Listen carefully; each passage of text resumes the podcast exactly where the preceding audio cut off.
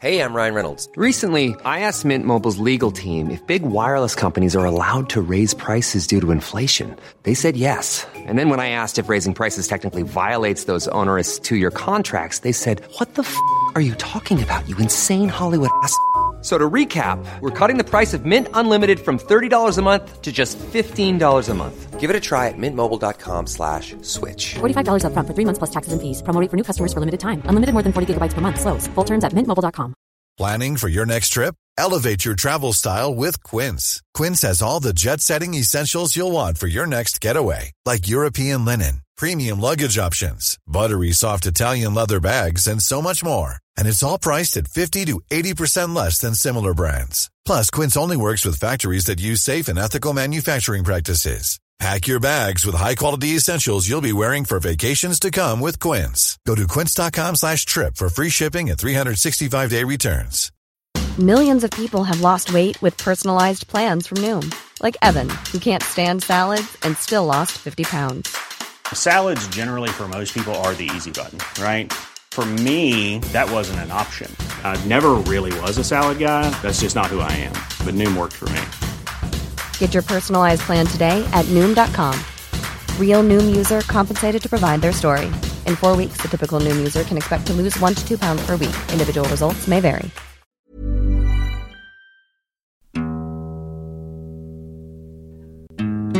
Hei og velkommen til Ordre-mysterier. Podden som tar deg gjennom Ordrus mysterier. Fra A til Å. Fra A til B. Fra, nei, ikke fra A til B. Nei, det er busselskap. Uh, ja, hva heter du? Jeg heter Halstein. Og du heter for? Silje, og jeg er 27 år, og du er 29. Hvorfor har vi egentlig starta denne podden? Eh, Det er for å komme nærmere et svar på hva som har skjedd i Norges mest uh... Omtalte drapssak? Ja. ja, det er jo den ofte blir omtalt som, og det er jo fakta. Um, men jeg lurer egentlig på, hvordan kom du inn i saken? Det starta med at jeg leste en artikkel i 2015, eh, da Veronica Ordre ble løslatt fra fengsel.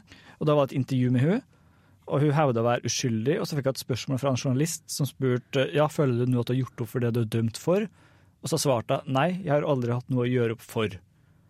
Og det vekka på en måte interessen min, så jeg begynte å grave, ikke grave, men jeg søkte på saken, og fant raskt ut at det handla om en gårdstvist, og at politiet mente at det lå til grunn for hele trippeldrapet. da. Og jo mer jeg leste om saken, eh, jo merkeligere syntes jeg det var, da, eller virka, at eh, noe så alvorlig som et trippeldrap skulle skyldes en gårdstvist. da. Ja, Det er jo ganske sykt å tenke på. Ja, og så så jeg på, på, på bevisene, og det var på en måte ikke så sterke bevis. da. Altså, Det var en del indisier for at de kunne stå bak, men det var ikke noe håndfast eller fellende bevis, da, følte i hvert fall ikke jeg. da. Og Så kom jo selvfølgelig gåten Ordre i 2018, eh, og det gjorde at jeg begynte å diskutere saken mer med deg. da. Og at du begynte å grave mer i, i den saken. da. Ja, Og etter det så gikk vi bare inn et rabbit hole, og så nå har vi aldri kommet oss tilbake derfra. Ja, nå er det too late å komme seg ut. da. Det er altfor sent, det Ja. går ikke an. Ja, jeg kom jo inn i saken da i 2017, kanskje. Um, jeg så vel en episode av Tilbake til 90-tallet, tror jeg, eller Tidsbonanza, begge to var rundt samme tidsperiode. Og så snakka de jo om ordresaken, og så ble jeg litt sånn oh, wow, hva er det her, ikke sant? For det er jo sånn å, ordresokken, som de fleste har hørt om, den sennepsgule lestsokken. Ja, lest med Ja, nordnorsk det er ganske ikoniske ikonisk bilde, ja. Forsida Ja. på VG med den sokken. ja. Ja. Eh, og så kan jeg huske at jeg har sett det avisoppslaget da jeg var liten, liksom. Og at jeg var sånn 'Å, hva er det her?' Og så var mamma sånn noen som blir dratt på en gård', liksom. Så var jeg sånn OK. Og så så jeg jo da, så var jeg sånn OK, det her høres veldig interessant ut, og så prøvde jeg å sjekke i NRK-arkivet om det var noe om det, og det eneste jeg fant da, var to Brennpunkt-dokumentarer fra 2009, tror jeg, Ja, eh, der det var snakk om det var jo den malt av jugoslavisk mafia da, og den hovedteorien. Og da ble jeg sånn wow, hva er det her? Jeg har løst saken, ringte mamma bare å, har du hørt om Ordre-saken? Jeg vet hva som har skjedd. Det var jugoslavisk mafia, de er feildømt. Ja, jeg var 100 sikker, ikke sant. Men i ettertid så har jeg satt meg mer og mer inn i saken. Så kom jo gåten Ordre i 2018, og så begynte vi å diskutere saken. Og så jo mer man graver, jo mer fordi Ja, man skulle trodd at man blir sikrere i sin sak jo Ja. mer du leser, men Ja. man blir egentlig bare mer forvirra. For det er så mye det. detaljer Ja. og elementer og aspekter i en I saken. starten så var vi jo ganske sikre, eller vi følte vi hadde sånn teorier, ikke at vi skulle gå inn på de, men vi var sånn, ah, det har skjedd, men nå er vi mer sånn, hva ja, har skjedd egentlig? Egentlig åpen for det meste. Absolutt. Så vi har jo egentlig starta denne podkasten for å prøve å finne ut litt mer om hva som har skjedd. Ikke at jeg tror vi klarer å løse saken. Jo da, vi skal løse saken. Ja. Ikke politiet, ikke privatetterforskere, men Nei, nei, vi. vi ja. Um, nei, men vi tenker egentlig å snakke litt om kanskje spor som har blitt litt glemt, uh, spor som folk har snakket om før. Ja, diskutere saken, egentlig. Ja, Vi tenker å starte med en intro om hele saken. da. Ja. Og Det er både for nye lyttere, men også for folk som har fulgt med, som Ja. kanskje har glemt eh, enkelte detaljer eller Ja. Vi har jo også en YouTube-kanal og en TikTok-kanal, og der har vi postet ganske mye, men det er ganske innvikla. Det er ganske sånn detaljert om saken. Ja, Det virker som målgruppa folk som liksom har sett Gåten Orderud sånn fem ganger, som oss. da. Ja, ikke sant. Så jeg tenker at denne podkasten er litt mer for alle, og folk kan komme med innspill og hjelpe oss å finne løsninger. Ja, og den kanalen skal jo også være for alle etter hvert. da. Vi Ja. har bare starta veldig detaljert å begynne med, så tar vi et steg tilbake nå. Og så Veldig rar skaffe litt oversikt. Ja. Ja. Men i podden her skal det være ganske åpent og ganske lett å henge med, håper vi da. Så vi starter egentlig med sakens kjerne. da. Ja, At uh, natt til pinseaften 22. mai 1909 så skjedde noe oppsiktsvekkende. ja. Da var det tre personer som ble skutt i en kårbolig i Sørumsand som heter Orderud gård. Og det var da Christian Orderud, Marie Orderud og deres datter Anne Orderud Paust som var drept. Ja, og Kristian og Marie var da et gammelt ektepar i 80-årene, mens Anne var i slutten av 40-årene. da. Ja. Og De ble da drept av eh, to våpen. Mm. Og Det ene var en revolver eh, med 38-kaliber og en 22-kaliber pistol. da. Ja. Og vi kan jo si at uh, de våpnene ble brukt på to forskjellige vis. da. 38-kaliberen ble jo da skutt med tre ganger, Mm, og kun tre ganger. ja. eh, mens 22-kaliberen ble mer hyppig brukt. da. Ja, og skutt litt mer sånn viltert, kanskje. Ja, du kan ikke si at det virka som at eh, 38-kaliberen var litt mer sånn kontrollert brukt. da. Ja. Og traff vitale organer, i hvert fall. da. Og, Ja. Og de ble jo da funnet drept søndagen etterpå. Så de var drept natt til lørdag, men det ble ikke funnet før søndagen. ja, og de ble da funnet av uh, Christian sin bror, Hans Orderud. Ja, de hadde en avtale lørdag at de skulle møtes i pinsa. Eh, og Hans Orderud fikk ikke tak i de. Eh, han dro nedover, han ser at bilen til Anne står utenfor og tenker sånn, ok, jeg skal ikke forstyrre de, de kan få lov til å være i fred. Dagen etterpå prøver han å ringe de. Eh, de tar ikke telefonen, han synes det er veldig rart fordi de pleier alltid å ta telefonen. Ja. Så han bestemmer seg for å dra nedover for å sjekke. Og hva skjer da? Jo, han blir jo urolig, og så ser han at bilen til Anne fortsatt står utenfor. Han tenker at de sitter på verandaen og spiser frokost, og tar seg en tur bak der, men der er det ingen. Ja. Men så ser han en knust verandadør. Yes. Og Og da? går han inn for å se hva som har skjedd. Han tenker jo selvfølgelig det verste, for det ser jo ut som et innbrudd. da. Han går inn i huset, han ser sin svigersøster Marie Ordru ligge død på gulvet. Han går litt lenger inn og ser da niesa si Anne Ordru Paust ligge på kjøkkengulvet sammenkrøpa nært utgangsdøra. Og så går han litt lenger inn, og så ser han da broren sin ligge i senga på soverommet. Og han får jo panikk. Han går ut av huset, ringer politiet, eller ringer sikkert politiet med politiet først, og der så går han ut av huset. går ut av huset, prøver å ikke lage spor, som er veldig smart gjort av han. Ja. Og politiet kommer ganske raskt til åstedet. De prøver å få kontakt med dem som bor lenger ned på gården. Ja, og hvem er det? Det er da odelssønnen til de drepte, Mm, Per Ordrud, Ja. og kona hans Veronica Ordrud.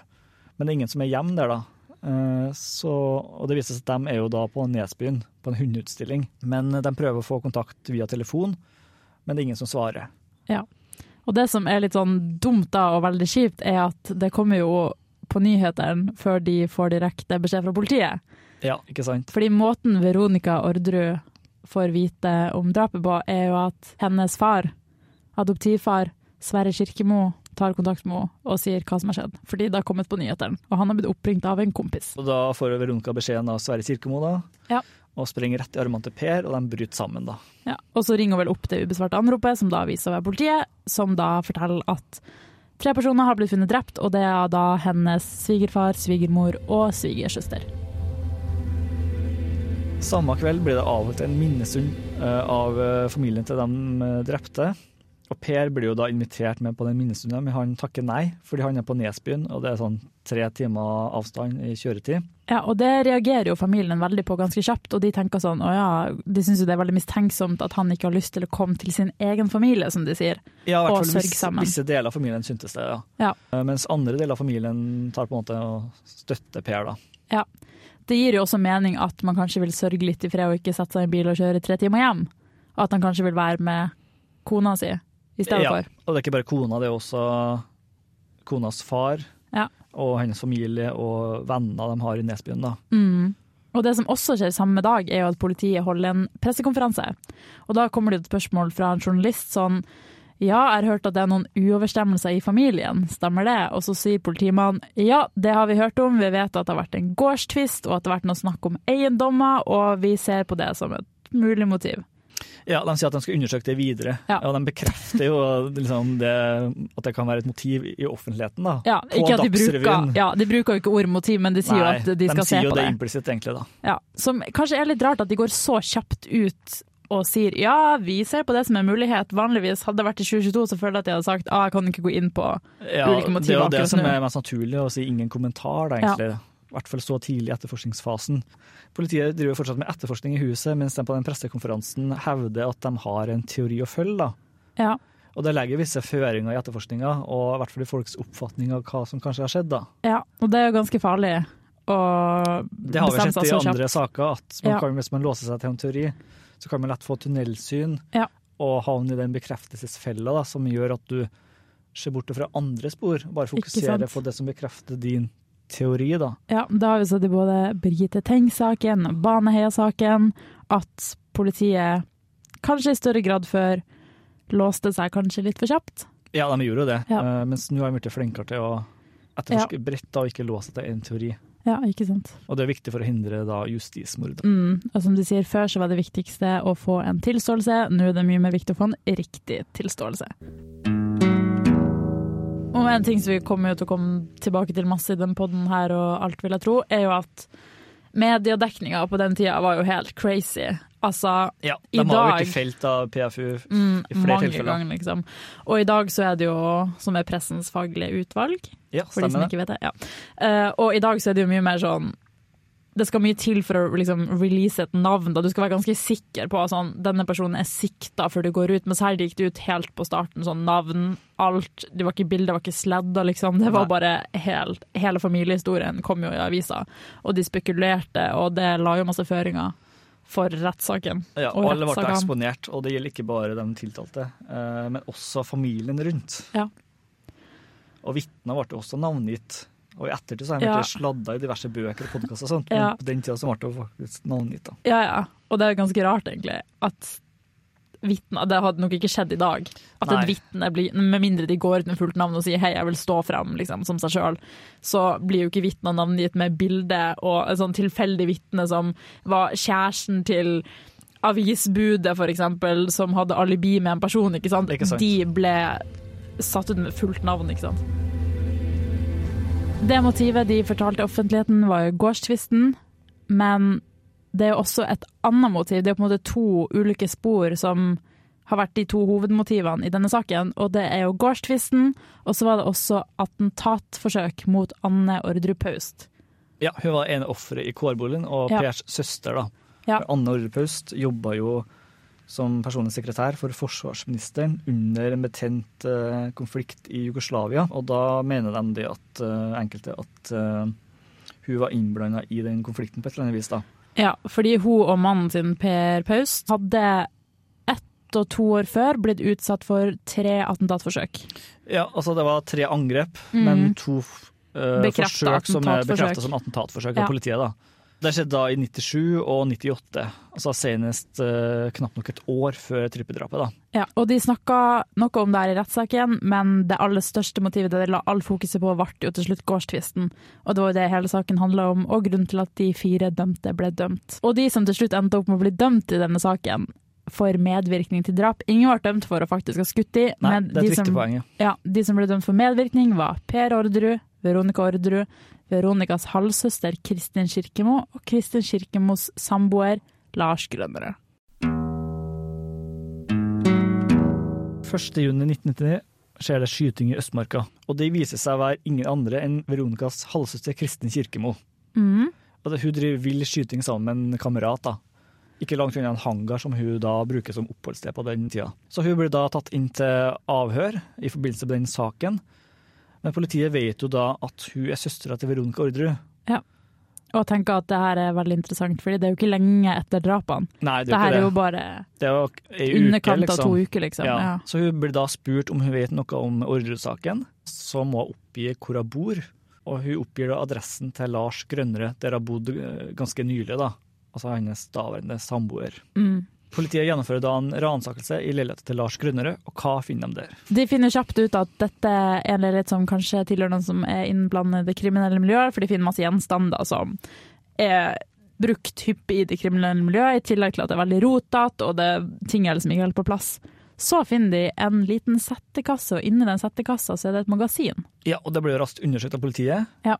og de konkluderer med at det er treff på hylsene og patronene fra åstedet.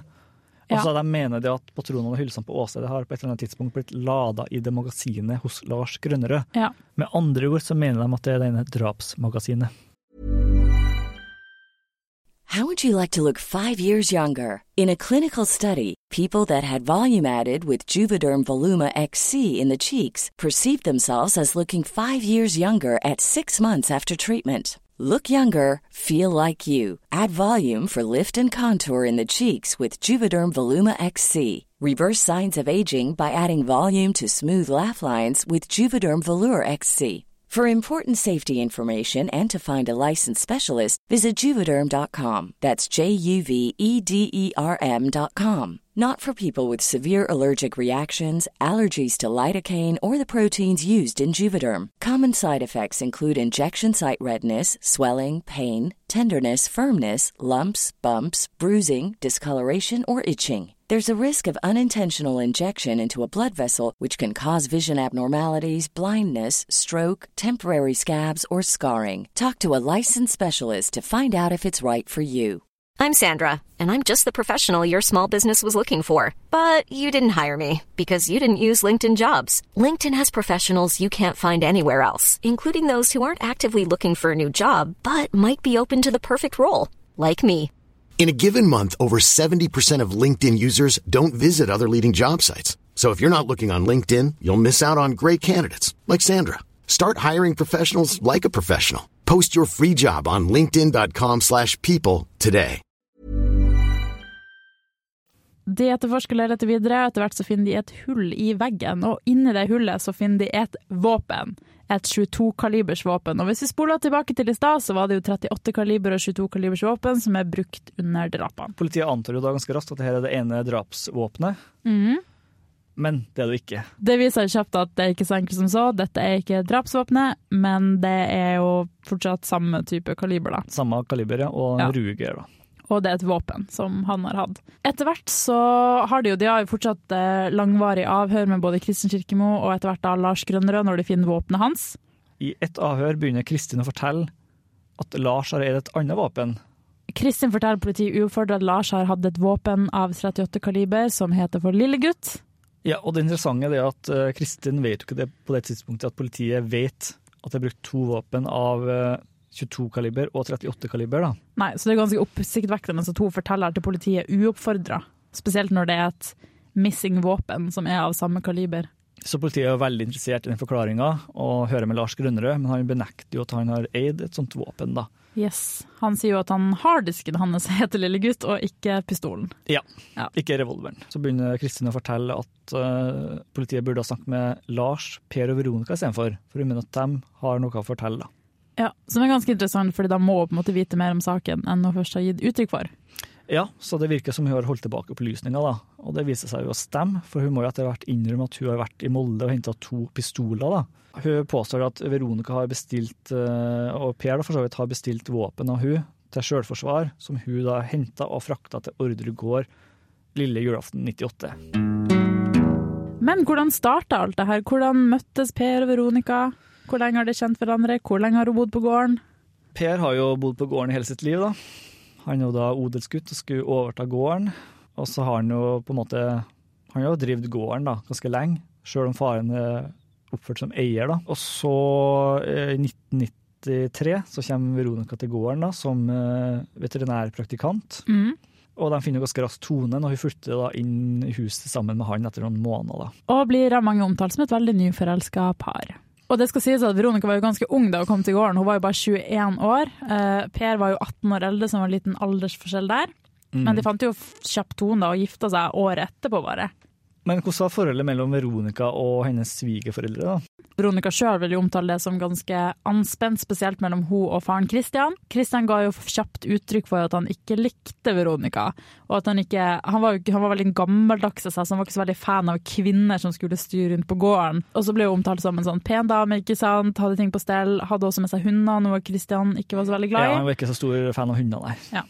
Marie og sønnen sin Per hadde jo lenge et veldig nært forhold, og Marie drev jo alltid og lagde mat til han, vaska klærne hans i voksen alder, drev og tok alle klærne og ga han middag hver uke, kom som bokse med mat, og det fortsatte hun å gjøre når Veronica flytta inn.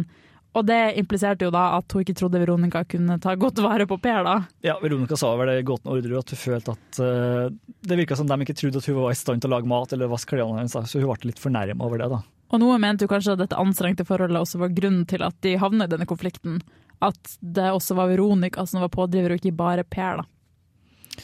Ja, og det ble fremstilt sånn i media i hvert fall, at hun Mm. var på en måte den sterke parten som hadde uh, pusha han til å liksom eh, kjøre på i den konflikten. da. Og det med mediedekning er jo veldig interessant, og det skal vi også gå inn på i, i en senere episode. da. Ja. Og hvordan det farger folks eh, oppfatning av skyldspørsmålet. da.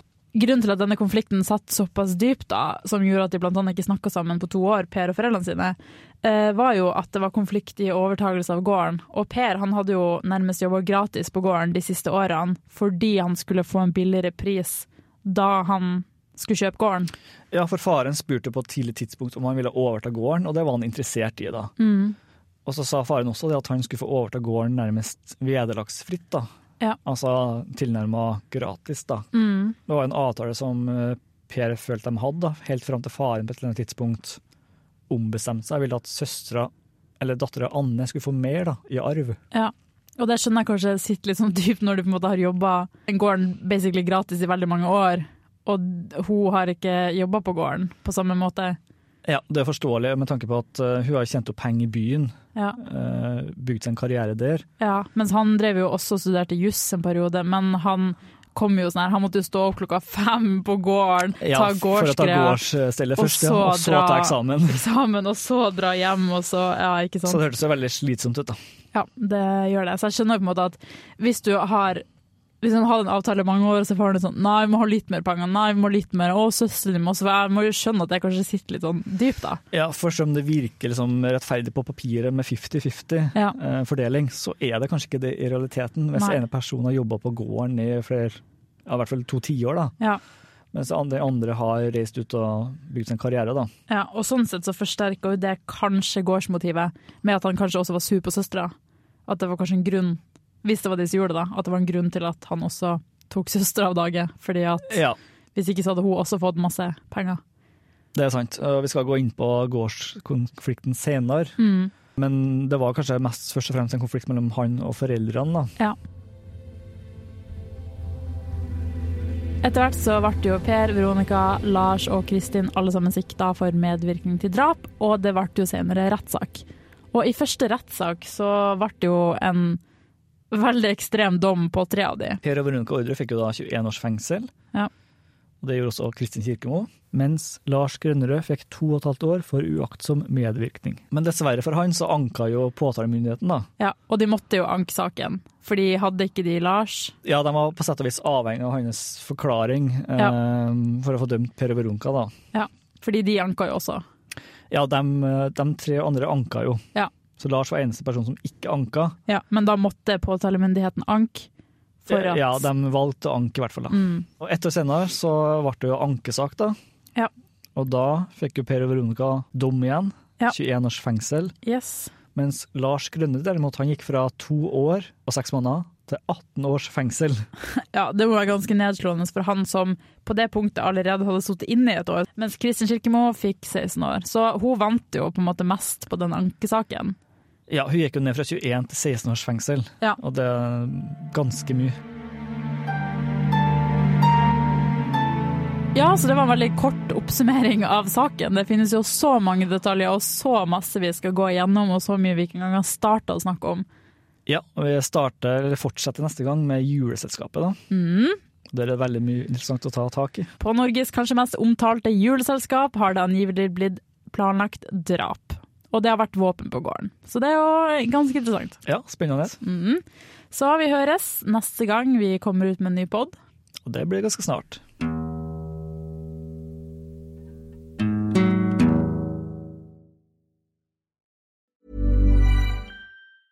Planning for your next trip? Elevate your travel style with Quince. Quince has all the jet setting essentials you'll want for your next getaway, like European linen, premium luggage options, buttery soft Italian leather bags, and so much more. And is all priced at 50 to 80% less than similar brands. Plus, Quince only works with factories that use safe and ethical manufacturing practices.